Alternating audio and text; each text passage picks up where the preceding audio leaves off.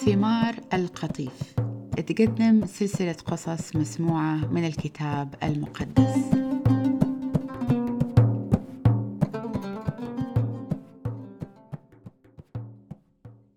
وبعدين قام يعقوب رفع راسه وطلع بعيد وشاف عيسو قابل وياه أربعمية رجال.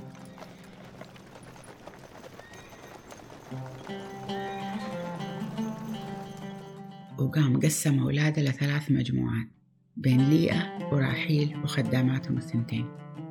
وقام حط خداماتهم يا أولادهم في الواجهة وبعدين حط ليئة وأولادها وراهم وخلى راحيل ويوسف في الأخير. وبعدين قام تقدمهم كلهم وبدل ما يمشي عشان يقابل أخوه عيسو قام يسجد على الأرض وسجد سبع مرات لحد ما صار قريب من أخوه.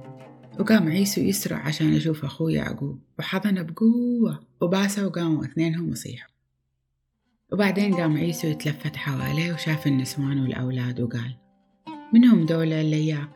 وقال له يعقوب هذول الأولاد اللي الله أنعم بهم على عبدك يعقوب. وبعدين قاموا وقربوا الخدامتين وأولادهم من عيسو وسجدوا قدامه احتراما لمقامته. وبعدين قربت منه ليئة وأولادها وسجدوا قدامه بعد.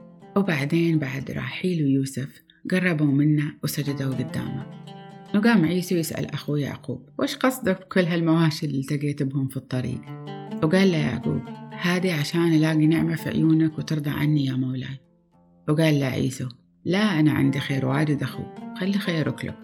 وقال له يعقوب عاد اقبل هديتي إذا أنت راضي عني لأن شوفة وجهك وأنت راضي عني زي شوفة وجه الله. عاد أقبل هالبركة مني اللي أنا أبغى أعطيك إياها لأن الله غامرني ببركاته وعندي كل شيء أحتاجه وزيادة ولح عليه لحد ما وافق. وقال له عيسو يلا أجل مشينا. هذانا بتقدم قدامك وقال له يعقوب مولاي أنت شايف إن الأولاد صغار وما فيهم شدة سفر. إذا تعبتهم حتى لو يوم واحد بخسرهم وبموتوا. فضل أنت تقدمنا وأنا باخذ راحتي في الطريق عشان المواشي وعشان أولادي بعد. ونكمل طريقنا لحد ما نوصل عندك يا مولاي في سعير. وقال له عيسو زين أجل خلي إياك شوية من رجالي اللي جو وياي عشان يساعدوا وقال له يعقوب لا لا ما يحتاج إله تكلف على نفسه. أنا كل اللي أبغاه إنك ترضى عني مولاي. ومشى عيسو وتوجه ذاك اليوم عشان يرجع إلى سعير.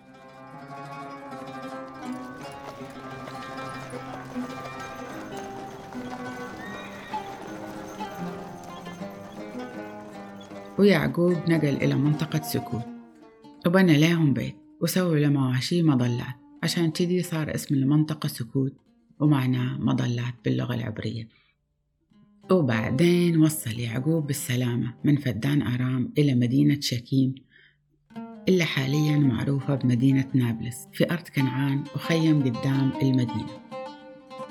وبعدين شرى الأرض اللي نصب خيام عليها من عند أولاد حمور وقيمتها كانت مية قطعة فضة. وهناك بنى مذبح وسماه إيل ألوهيم إسرائيل. ومعناه الله إله إسرائيل. وشكيم يصير واحد من أهم ولاد حمور اللي شرى يعقوب الأرض من عندهم.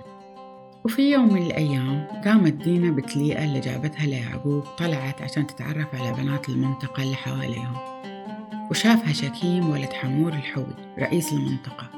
وأخذها واغتصبها وذلها ودنس شرفها. وقلبه تعلق بدينه بنت يعقوب وحبها في عز شبابها وقام يغازلها وهو بعد في عز شبابه. وقال شكيم لأبوه حمور خدها البنية إلي أبوي أبغى أتزوجها.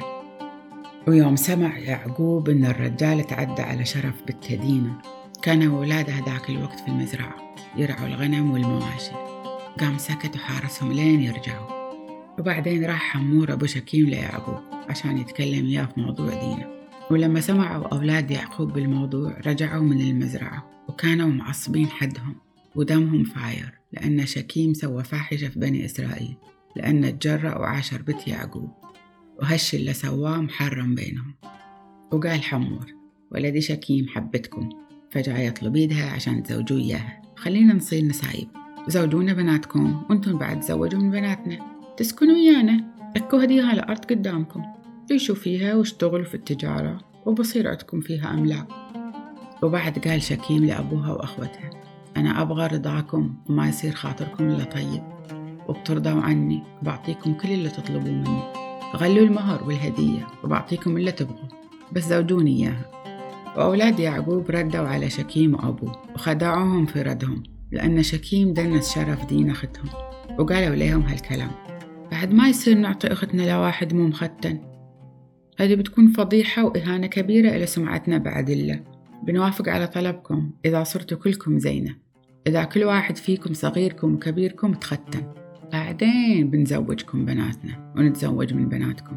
وبنعيش إياكم وبنصير جماعة واحدة. وغير شدي ما بنقبل. وإذا ما وافقتوا على طلبنا وتختنتوا بناخذ بتنا وبنمشي. وجاز لحمور ولد شكيم كلامهم. وما تأخر الرجال في تنفيذ اللي طلبه لأنه كان راغب في بنت يعقوب. وهو كان أكثر واحد إلى هيبة وكلمته مسموعة في بيت أبوه. وجا حمور ولد شكيم عند بوابة المدينة في المجلس وقالوا للرجال هذيل الناس مسالمين. خليهم يعيشوا في هالأرض ويشتغلوا في التجارة. هذه هالأرض واسعة وبتكفيهم. خلنا نتزوج من بناتهم ويتزوجوا من بناتنا. هم عندهم شرط واحد بس عشان كلنا نصير جماعة واحدة إن رجالنا وأولادنا صغار وكبار يتختنوا زيهم. ومو بتصير مواشيهم وأملاكهم وكل حيواناتهم ملكنا له. تخلينا نوافق على هالشرط وخليهم يعيشوا ويانا بسلام. ووافقوا كل الحاضرين في المدينة اللي كانوا في مجلس حمور على كلام حمور وولده شكيم. وتختنوا كل رجال وأولاد المدينة. وبعد ثلاثة أيام وهم بعدهم متألمين من الوجع. أخذوا أولاد يعقوب سيوفهم ولهم شمعون ولاوي أخوة دينا من أمها وأبوها وهجموا على المدينة بدون ما حد يتوقع دخلتهم.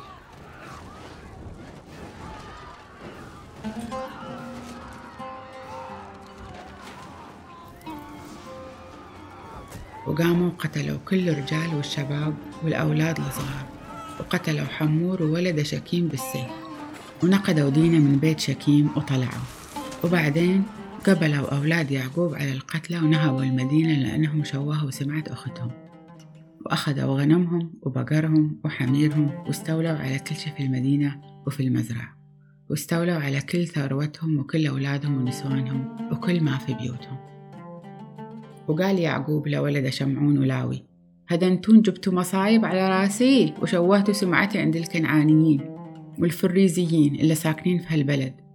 إحنا بعد عددنا قليل. هذا الحين كلهم بقوموا علي وبيهجموا وبيجيبوا أجلي وبيقضوا علي وعلى أهلي. وقالوا لأولاد شمعون ولاوي. لا أجل نخلي عامل أختنا زي العاهرة أجل. وبعدين الله قال ليعقوب روح بيت إيل واسكن هناك. وسوي مذبح للإله اللي ظهر لك يوم كنت مفلح من أخوك عيسى.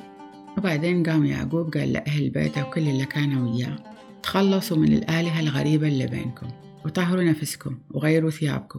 وبعدين تعالوا نروح بيت إيل عشان نسوي مذبح لله هناك اللي استجاب لي في ضيقتي يوم دعيته. وكان حضوره واضح في حياتي وفي الطريق اللي أنا مشيت فيه. وقاموا وعطوا يعقوب كل الآلهة الغريبة اللي عندهم والتراكي اللي لابسينها. وقام دفنها يعقوب تحت شجرة البلوط اللي في شكيم. وبعدين مشوا من هناك. والله حط رعب في قلوب المدن اللي حواليهم. وما تقصدوهم ولا قاموا لحقوا أولاد يعقوب.